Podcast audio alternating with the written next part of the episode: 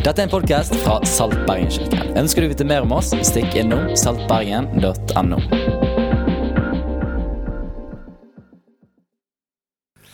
Hallaisen! Går det bra med dere? Ja? Altså, altså, altså. Da har vi barnevelsignet uh, Sunniva to ganger. Så gøy, altså. Gratulerer, Tonje og Bård. Jeg har en mistanke. Vil du høre mistanken?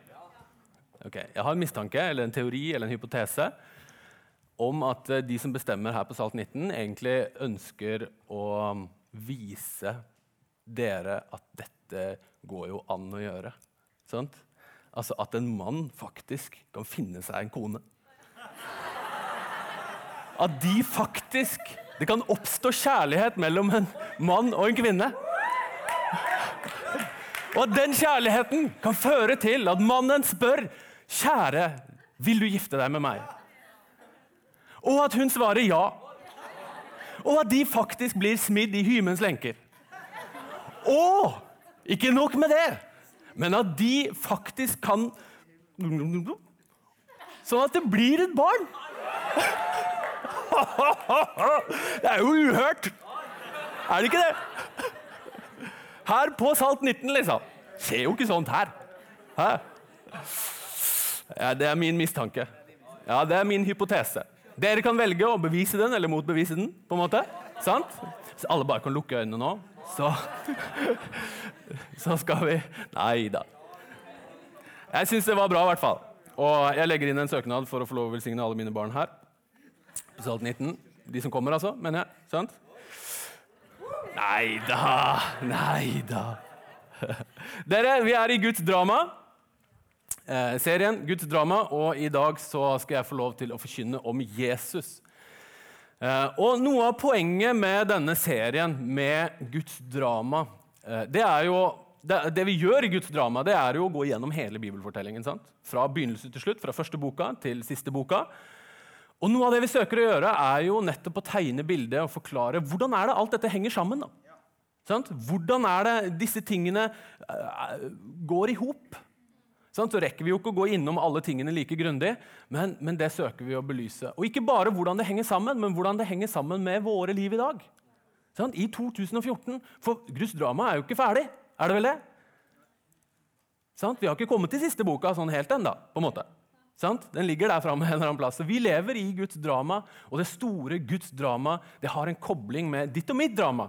Våre liv, våre fortellinger, er koblet til Guds fortelling. Og Det er det vi søker å belyse gjennom denne serien her. Lite i, dra kort igjennom eh, hva vi har gjort så langt. Øystein åpnet glitrende med å forkynne om skapelsen. Og Der var det svart, og så ble det hvitt, og så kom det greier. sant? Boom! Sant? Der var jorden. Sju intense dager, så var det jord. Eh, og så skapte han mennesket, men så gikk alt galt. Sant? Alt gikk galt. Brødrene begynte å krangle, menneskeheten sluttet å oppføre seg. og Gud tenkte dette må vi løse. Vi må vaske jorden, tenkte han. Sant? Men så funket ikke det heller. Det var bare Noah og gjengen som overlevde. Sant? Uh, så menneskeheten sluttet å oppføre seg igjen. og Derfor tenkte Gud ja, vi må løse det på en annen måte. Han spurte Abraham hei Abraham, vil du hjelpe til. Ja, svarte Abraham. Sant? Eh, jeg vil hjelpe til. Så Abraham lagde et folk. Det folket de, sendt, de dro til Egypt. Der ble de slaver.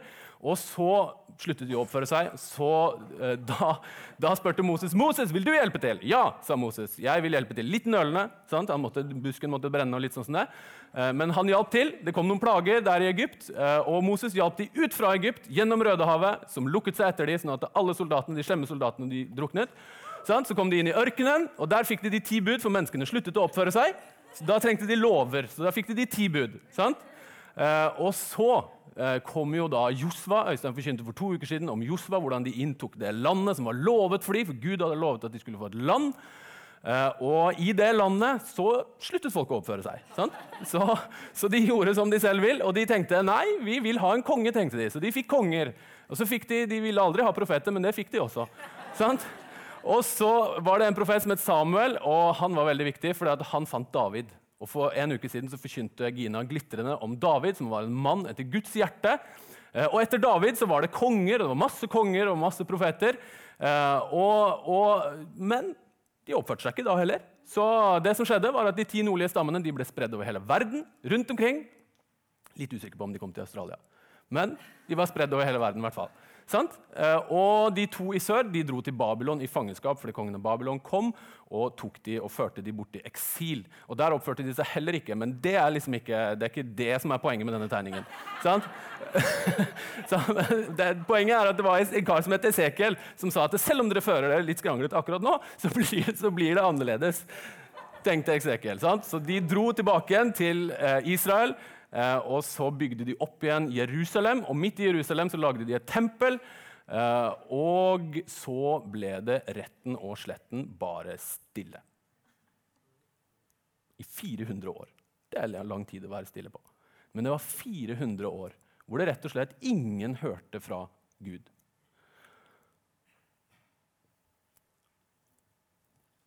Jeg skal ikke lage like lang stillhet her nå. altså. Det var bare... Men på dette tidspunktet, sant, sånn cirka rundt år null, så var det en enorm lengsel etter en utfrielse. Sant? For det som vi så, jødene eller israelsfolket de hadde blitt bortført, de var undertrykt. Det var den ene stormakten etter den andre som hadde kommet og, og, og undertrykt dem. Og nå lå de under for Romerriket. Romerne var de som hadde okkupert uh, hele greiene. De hadde det ikke bra. og Det lå en lengsel etter utfrielse. Og det var dypt planta i den jødiske virkeligheten at ja, men Gud har lovet. Gud har lovet å gjenopprette alt. Det skal bli bra en gang. Og Jeg vet ikke om du noen gang husker noe du har blitt lovet. Noe som, skikkelig bra som skal skje. Min sønn David, vår eldste sønn David, han ble seks år i går. så ble han seks år. Eh, og Det var en stor dag, for da fikk han en sykkel. Eh, og I fjor høst skjønner du, så lovet jeg at han skulle få en sykkel med seks gir på seksårsdagen sin. Det var, det var liksom ok, hadde, Kompisen hans hadde begynt å få liksom sånne fine sykler. og sånn. Han hadde bare en som måtte bremse med å tråkke bakover. Eh, så, så, jeg sa det, på seksårsdagen din, gutten min, da skal du få en sykkel. Og gjett da, om han i mellomtiden har, har, tenkt på den sykkelen. Og han har, Hver gang han har satt seg opp på den gamle sykkelen, så har han liksom tenkt ja, men en dag så blir det en ny sykkel. Sant? Og han snakka til meg og pappa den sykkelen, og, han han ordna og snakka fælt og drømt og lengtet etter den. Fordi at når noen har lovet noe, så blir det planta en lengsel inni oss. Og Gud han hadde lovet menneskeheten noe. Da, Med en gang alt gikk galt, så fort alt hadde gått galt, de hadde spist av det der eplet og latt seg lure i greiene, så lovte Gud ja, men hør nå her, jeg skal fikse det igjen. Det kommer til å bli bra en dag. Og når mennesker rømmer fra Gud, for det er det vi faktisk gjør Når mennesker rømmer fra Gud, så er det siste Gud sier, det er at 'jeg kommer til å finne deg igjen'. Jeg kommer til å lete til jeg finner deg igjen. er det siste Gud sier. Og Dette lå dypt i bevisstheten til det jødiske folket. En frelser skulle komme. Messias skulle komme. Og Vi kan lese et brev som er skrevet til nettopp jødiske kristne i år, rundt sånn år 80-90 etter Kristus.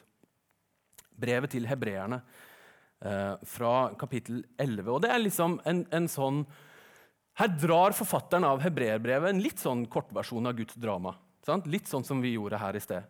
Og, og, Han forsøker å fortelle at ja, alle disse menneskene de trodde på noe som var mer. De trodde på noe som lå lenger der framme. Og, og, I vers 3 kan vi lese i tro forstår vi at verden er skapt ved Guds ord. Vers 4 i tro bar Abel fram for Gud et bedre offer enn Kain. Vers 5 i tro ble Henok rykket bort uten å dø.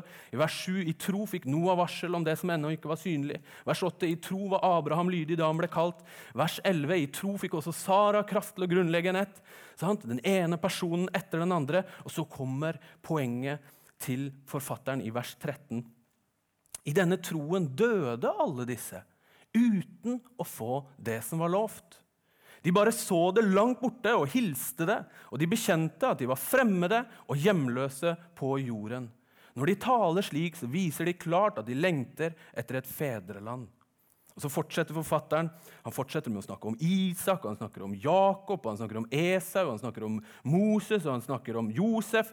Og han snakker om Josva, og han snakker om Gideon, Barak, Samson, Jefta, David, Samuel og profetene. Og han spør hvem skal jeg ellers nevne. spør han.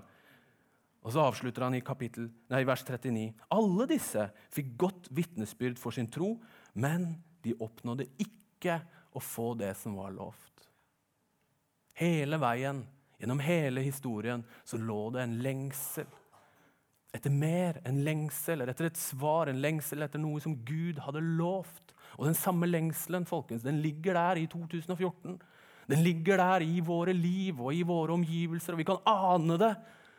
Her ute så ser vi det. Sant? Hver gang en eller annen tenåring poster et eller annet fortvilt bilde av seg sjøl i jakten etter oppmerksomhet. Eller når vi blir like forskrekka hver gang over hva Miley Cyrus holder på med. Sant? Vi aner det litt når vi, når vi leser om, om, at de steinet en 25 år gravide Farsana i Pakistan fordi hun hadde gifta seg med den som hun elska. Vi aner det når vi ser og hører om at en far kan ta livet av sitt to år gamle barn i Oslo. Det er noe som er brutt. Det er noe som er liksom fremmed. Det er noe som ikke er som det skal være. Vi kjenner det ikke bare der ute, vi kjenner det her inne. gjør vi ikke det? Jakten vår etter, etter oppmerksomhet, lengselen etter å være sett, lengselen etter å vise oss fram, vise hvor flinke vi er. Det er noe som er brutt. Noe som roper 'Gud, hvor er du?' Og I israelsfolket hadde de ikke hørt fra Gud på 400 år. Ingen hadde hørt fra Gud på 400 år. Helt stille. Men likevel så var lengselen der, og den ble sterkere og sterkere. Og nesten som jo mer stille det var, jo mer lengsel ble det. Og rundt år null så var det liksom nesten som at men nå kommer han! Han må være her snart! Alle gikk rundt og ventet på Messias. Messias. Og Det var lengselen ropte. Gud, hvor er du? Gud, hvor er du? Og det var som i hele folket. liksom. Gud, hvor er du? Skal du ikke redde oss snart? Det er det vi skal snakke om i dag. Mitt løfte til deg det er at i løpet av de neste 20 minuttene så skal jeg prøve å synliggjøre hvordan Jesus han er oppfyllelsen av det som Gud lovet. Jesus er sentrum av Guds drama. Jesus er selve midtpunktet av hele fortellingen. Ikke bare fortellingen, men av hele verden. Jesus er sentrum av Guds drama. Det er i Han alle løftene blir oppfylt. Men tenk om det er sånn, da, dere. Gud også, Jesus også er sentrum av ditt og mitt drama. Tenk om det var sånn. La oss begynne med å snakke om at Jesus er sentrum av Guds drama. Se for deg at du levde i Israel på den tiden her. Klarer du å sette deg tilbake? Litt sånn. Du kjenner, eh, du, kjenner, lukten av støv sant? og av dyr. Sant? Det er kuer og sauer og Det var ikke så mye griser akkurat der. Men, eh, og du, du, kan kjenne du går i kjortel. Sant? Du kjenner det er varmt. Du kjenner liksom varmen fra sanden som pipler opp mellom tærne eller sandalene. eller et eller annet sånt. Og, og du, du, bor i Israel på denne tiden. Og, og, og disse historiene de har, de har, ikke bare vært noe du har lært på søndagsskolen. Det ligger dypt planta i deg som person. For hvert eneste år så er det full 17. mai-feiring fordi du feirer nettopp de historiske begivenhetene flere ganger i året. Du feirer liksom, Utgangen fra Egypt blir feiret med en skikkelig fest. Og, og, og fortellingen om Ester ble feiret med en skikkelig fest. og disse tingene ligger liksom dypt i deg som person. Og du har liksom blitt lært opp i å lese det som står i profetene om han som skulle komme, og, og profeten Jesaja og profeten Jeremia, og de snakker om noe som var lovt, og, og du, du, du, kjenner til det, på en måte. Sant? Og, så vet du også at men det, nå er det lenge siden noen har hørt noe.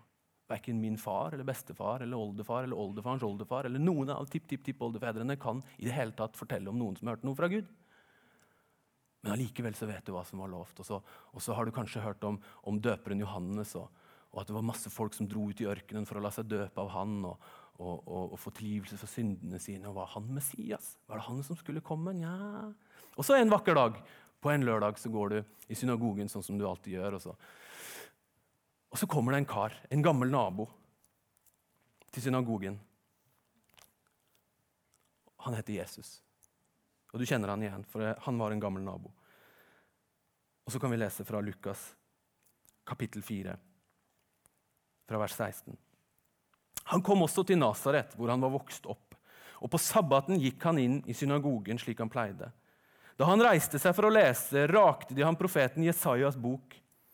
Han åpnet bokrullen og fant stedet der det står skrevet:" Herrens ånd er over meg, for han har salvet meg til å forkynne et godt budskap for fattige.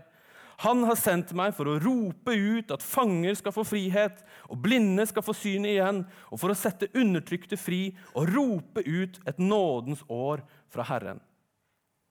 Så rullet han bokrullen sammen og rakte den til synagogetjeneren og satte seg. Alle i synagogen stirret spent på ham. Og han begynte da med å si, i dag er dette skriftordet blitt oppfylt mens dere hørte på. Hva mener han, tenker du? Hva mener han? Er ikke dette Jesus? Han som var naboen min? Hva mener han?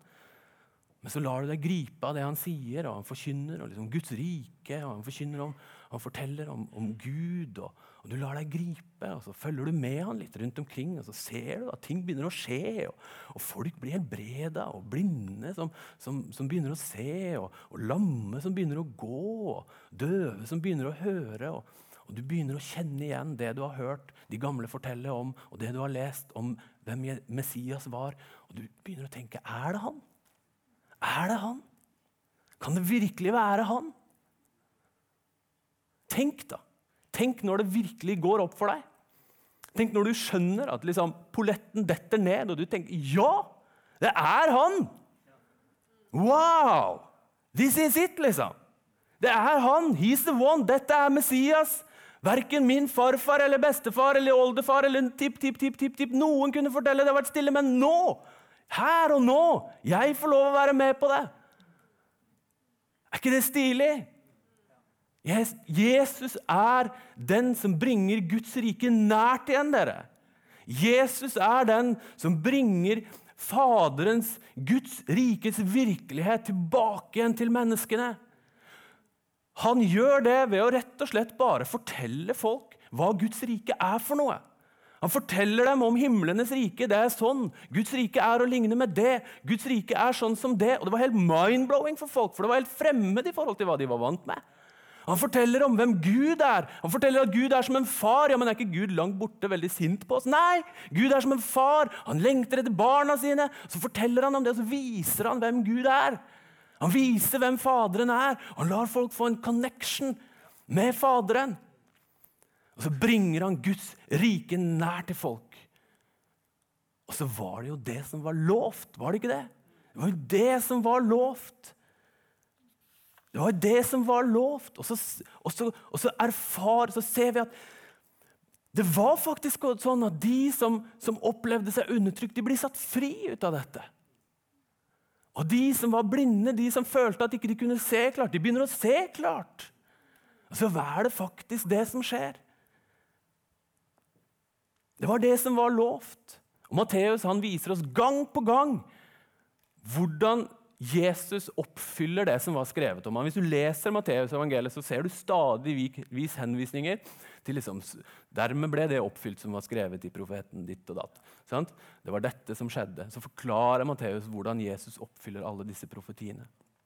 For når tiden var inne, så sendte Gud, Faderen, sendte sin sønn til jorden. Når tiden var inne, så sendte han sin sønn til jorden. Han ble et menneske. Bare hør hva Paulus sier i sitt brev til romerne. Mens vi ennå var svake, døde Kristus for ugudelige da tiden var inne. Hva betyr det? Jo, alt gikk galt. Men Gud hadde jo planen klar. Gud visste hva som kom til å skje. Men ting måtte skje først. Tiden måtte bli inne. Vi måtte gjøre greiene med Abraham, vi måtte gjøre greiene med, med, med Josfa, vi måtte gjøre greiene med David. Vi måtte bli ferdig med dette, så var det stilletid. sant? Og så nå, nå er tiden inne. Og så kom Jesus. Når vi først var i gang, så kunne vi like gjerne sette hele tidsregningen til null. sant? Det tenkte Gud. Det er en bra idé. Sant? Jesus han er selve sentrum av Guds drama. Er han ikke det? Selve sentrum av Guds drama. Han er oppfyllelsen av alt som var lovt i historien. Og nå kom jo han. sant?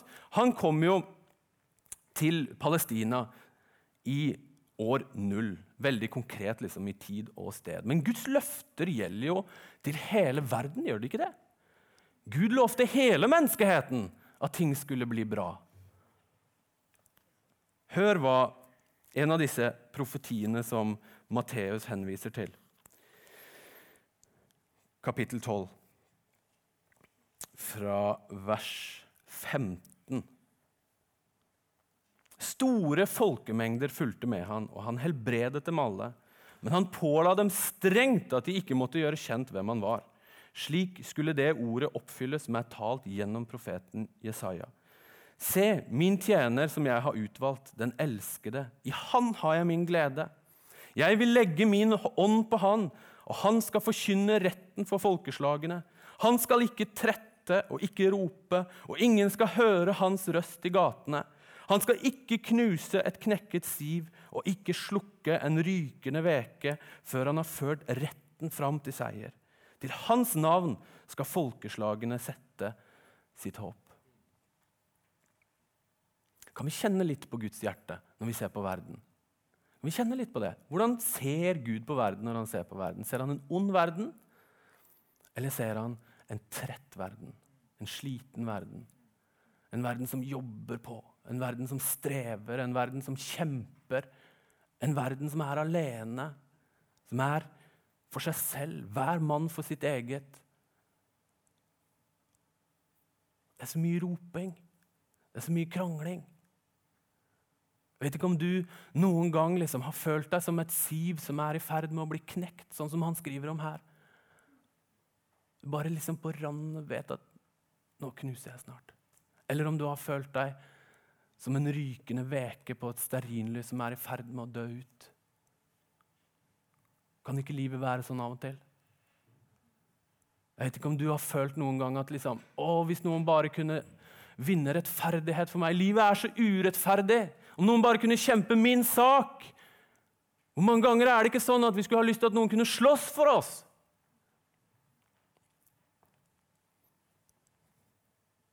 Vi kom på avstand fra Gud. Vi slutta å være opptatt av Gud, men Gud slutta aldri å være opptatt av oss. Vi slutta å tenke på Gud, men Gud slutta aldri å tenke på oss. For han hadde planer om å komme selv i Jesus Kristus. Og vet du hva? Han krangler ikke. Han roper ikke, og han knuser ikke det som er i ferd med å bli knekt. Han slukker ikke den flammen som er i ferd med å dø ut. Han bringer retten fram til folkeslagene. Han er verdens håp. Jesus Kristus er verdens håp. Paulus igjen, for i Han ville Gud la hele sin fylde ta bolig, og ved Han ville Gud forsone alt med seg selv, det som er på jorden og det som er i himmelen, da han skapte fred ved blodet på hans kors. Gud har forsont seg med verden. Ja, Men er ikke verden på avstand fra Gud, da? Nja! Gud har forsont seg med verden. Fra Guds side så er alt ok.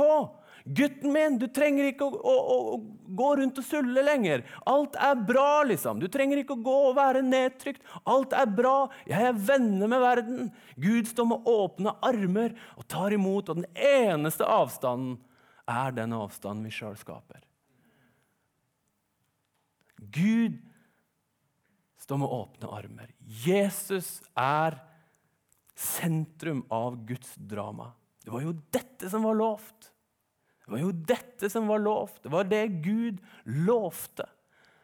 Jesus er oppfyllelsen av Guds løfter. Ikke bare i historien og til israelsfolket, men til hele verden. Det er så bra, altså. Ja, Men hva med deg og meg, da? Hva med ditt og mitt drama? Ja, Flott det med Gud og Guds drama og hele bibelfortellingen og skapelsen til åpenbaringen og alt dette her. Flott, flott, flott. flott. Men hva med ditt og mitt liv? Ikke, sier du at jeg ikke er sentrum i mitt eget liv? Sier du at det er ikke liksom jeg som er poenget med mitt liv? La meg være litt personlig med deg. Jeg strevde i mitt liv. Jeg strevde før jeg ble kjent med hvem Jesus var, og før jeg forsto hvem han var. Jeg er født som minstemann inn i en ganske stor flokk med søsken. Mange, mange eldre søsken. Sant? Og det var litt sånn når jeg var liten. Min sang det var på en måte lillebror av Alf Prøysen. Sant? Husker dere det?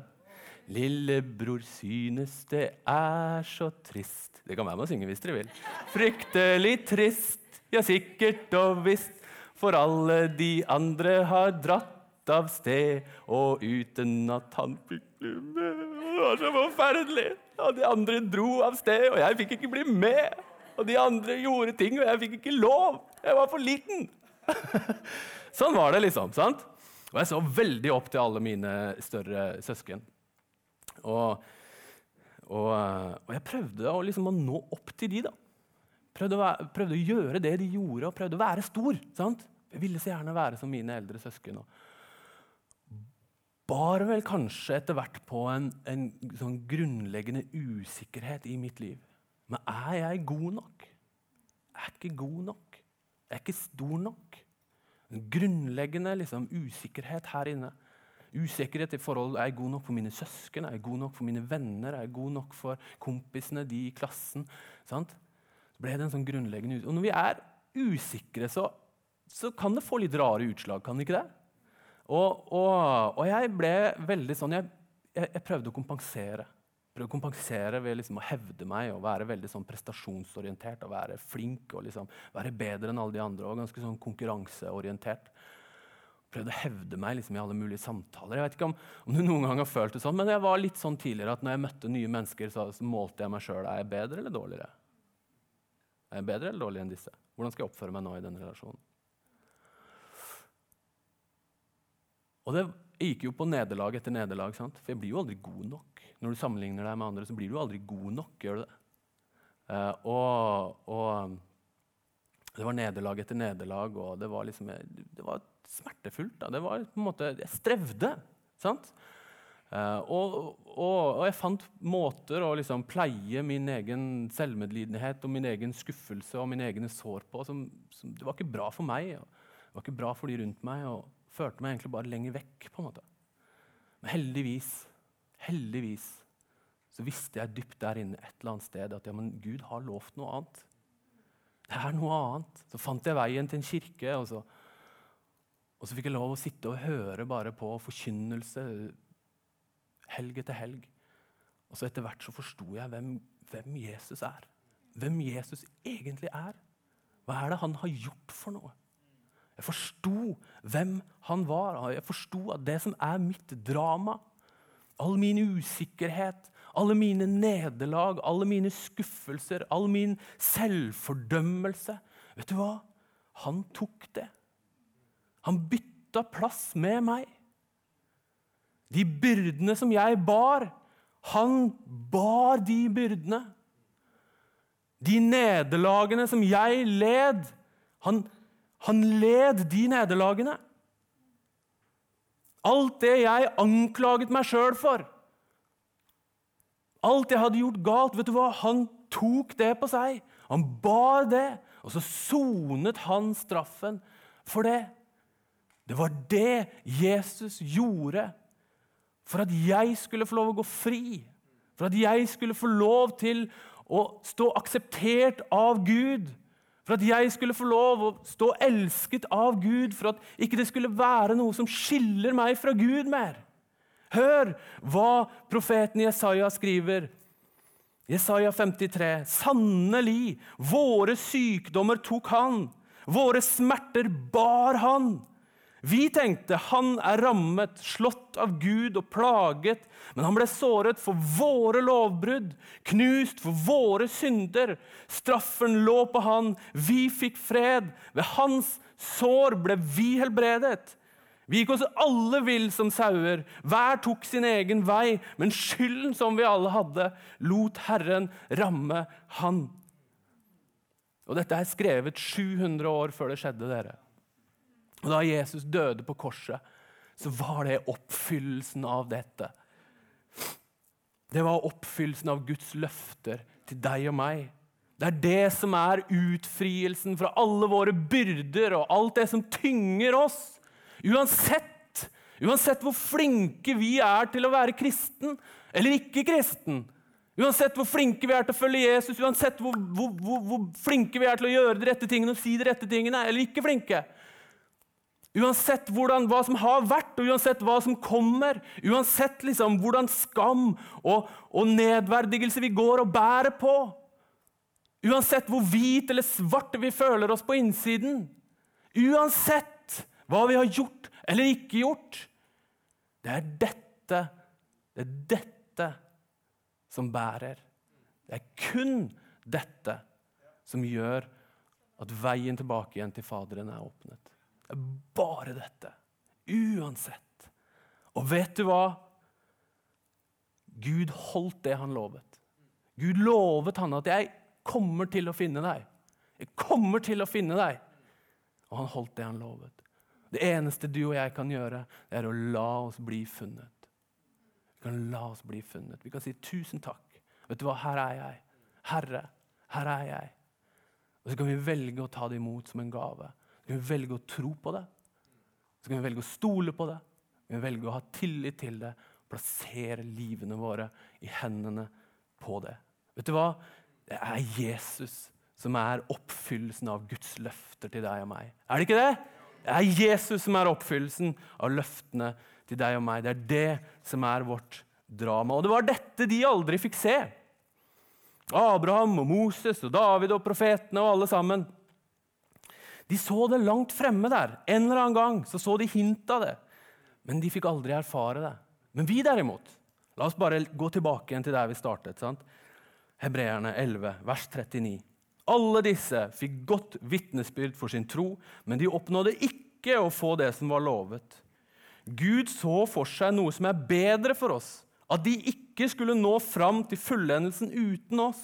Derfor, når vi har så stor en sky av vitner omkring oss, så la oss legge av alt som tynger, og synden som så lett fanger oss inn, og med utholdenhet fullføre det løpet som ligger foran oss, med blikket festet på Han som er troens opphavsmann og fullender. Folkens, det er jo dette som er greiene her. Er det ikke det? Blikket festet på Han. Vi kan legge av oss alt som tynger. Jo, men hvorfor finner vi oss sjøl hele tiden da, i å gå og bære på tunge bører? Hvorfor finner jeg meg sjøl hele tiden i å gå og bære på det som er vondt? Skuffelser, sår, bitterhet, skam, skyld, fornærmelse, selvmedlidenhet. Hvorfor går jeg og bærer på det da? Hvorfor bærer jeg på det vonde? Fra ting som har skjedd, fra ting jeg har gjort. Hvorfor finner jeg meg sjøl i å gå og bære på det? Når Jesus gjorde det han gjorde. Vi kan legge det av, folkens. Jo, men er det så enkelt, da? Å legge det av? La oss legge det av. Jo, men hvordan da? Jo, ved å feste blikket på Jesus. Han som er troens opphavsmann og fullender. Vet du hva? Det er når vi har blikket festet på Han, at vi kan legge ting av. Og Det er ikke noe vi bare gjør én gang. Vet du hva? Vi trenger å holde blikket. Det er ikke sånn at når du begynner på et løp sant? Hvis du skal løpe 200-meteren, og så begynner du på et løp så har du Der i, i startpunktet så, liksom, så har du målet i sikte der, og så begynner du å løpe, liksom, og så kan du se alle mulige andre steder. Det er jo ikke sånn. Du har blikket festa, har du ikke det? Når du løper 200-meteren, du vet hvor du skal løpe liksom, for at det ikke skal bli krøll. Og vet du hva? La oss holde blikket festet på han, Jesus Kristus, som er troens opphavsmann og fullender. Hvor ellers skulle vi ha blikket? da? Han er troens opphavsmann. Ja, Men hva betyr det? Jo, det betyr at det var han som fant på alt sammen. Gjør det ikke det? Hele troen, liksom. Han skrev troen. Han er forfatteren, arkitekten bak troen. Han lagde hele greiene. Tror du ikke han har kontroll? Går vi her og surrer liksom med våre egne greier? Også, ikke bare det, men han er også den som fullender det. Han er også den som tar det i mål. Han er den som får hver og en av oss hjem og inn og over målstreken. Er det ikke det? Hvorfor driver vi og liksom holder på med alt det vi holder på med, og liksom lar oss fange av synd og elendighet og bære på byrder? og alt sånt som det? La oss legge det av. Hæ? La oss legge det av. Og det er når vi gjør det, folkens, når vi legger av, og når vi holder blikket festet på Kristus, da blir vi kirke. Det er det som er fundamentet for kirken, er det ikke det? Jo, det som er selve fundamentet for kirken. Det er da vi kan utgjøre en forskjell. Uten det så vet du hva, da blir det flotte kristne aktiviteter. Det er fint med kristne aktiviteter, og hyggelig og sosialt å få gode venner. og sånt, Men vet du hva? det er jo ikke derfor vi holder på. Er det det? Kristne, fine kristne aktiviteter. Men folkens, det er når vi har blikket festa på Han, at vi kan utgjøre en forskjell. Det er Han som har sendt oss til verden, er det ikke det? Det er Han som har sendt oss til verden for å gjøre noe. Om vi ikke holder fokus på Han, hva skjer da? er det faktisk sånn at når vi holder blikket festet på Jesus midt i livet, ikke bare når vi kommer sammen her på en søndag, men midt i livene våre, går det an å holde blikket festet på han midt mens vi står opp og er trøtte i trynet om morgenen, midt mens vi skal liksom gjøre oss klar til alt det som vi skal gjøre i løpet av dagen, og er stressa, skal spise frokost og ned, og skal vi lese eksamen og oppgaver og to do-lister. Midt i alt det kan vi faktisk holde blikket festa på han. Midt i alle lunsjene, midt i alle samtalene, midt i, midt i liksom praten over gangen til naboen, kan vi faktisk holde blikket festa på han. Ja, det er faktisk sånn. Og når vi gjør det, så er vi faktisk i stand til å kunne bringe hans ord, den han er, det han sto for, inn der hvor vi er. Inn i de samtalene, inn på de stedene. Da kan vi formidle det til våre barn, til vår familie, til våre venner. Våre... Det er da vi kan gjøre det. Uten det så blir det kristne, fine kristne aktiviteter her på en eller annen søndag. Og kult det, liksom. Jeg har lyst til å utgjøre en forskjell. Jeg har lyst til å løpe et løp. Jeg har lyst til å si sånn som Daniel refererte til. vet du hva, Jeg har, jeg har stritt en god strid, jeg har bevart troen, jeg har fullført løpet. Jeg har lyst til å si det når jeg er gammel. Åh, kom an, folkens. Det er det som er fundamentet for at vi sitter her. Det som er fundamentet for at vi kan gå ut i den uken som kommer, og gjøre en forskjell. Det er det Paulus snakker om når han snakker om at ja, men det må jo være han, han, sammenligner, han sier at Kristus er hodet. sier han. Og Så sier han at kirken er kroppen. Og det, det, refererer han til flere ganger, og det er flere forfattere refererer til. Gud er hodet, og kirken er kroppen. Men hva skjer da hvis Kirken liksom ikke lyder hodet? Hva skjer hvis det ikke er noen kobling der? Sant? Hva skjer på en måte? Hvis du har liksom en arm her ute som bare gjør det den vil. Liksom, en fin kristen menighet på en måte der ute som, som sikkert, ser sikkert veldig bra ut derfra der hvor dere sitter. Og jeg syns det er litt flaut. på en måte. Sant? Jeg blir litt på en måte embarrassed sant? av det som skjer her ute. Uh, men, men uh, Det er nå en kristen menighet, liksom. Men, men når det blir en kobling med hodet, når hodet kan få lov å styre, vet du hva? da kan vi få lov å gjøre det som Jesus gjorde. Da kan vi få lov å bringe Guds rike nær. Da kan vi få lov å fortelle hvem han er. Vi får lov å fortelle hva Guds rike er for noe. Vi får lov å bringe håp, bringe liv, bringe fred, bringe glede inn i de relasjonene vi har. Amen? Der er vi. Når, når Jesus får være sentrum av kirken, så blir kirken oppfyllelsen av Guds løfter til verden. Når Jesus får være sentrum av kirken, så blir kirken oppfyllelsen av Guds løfter.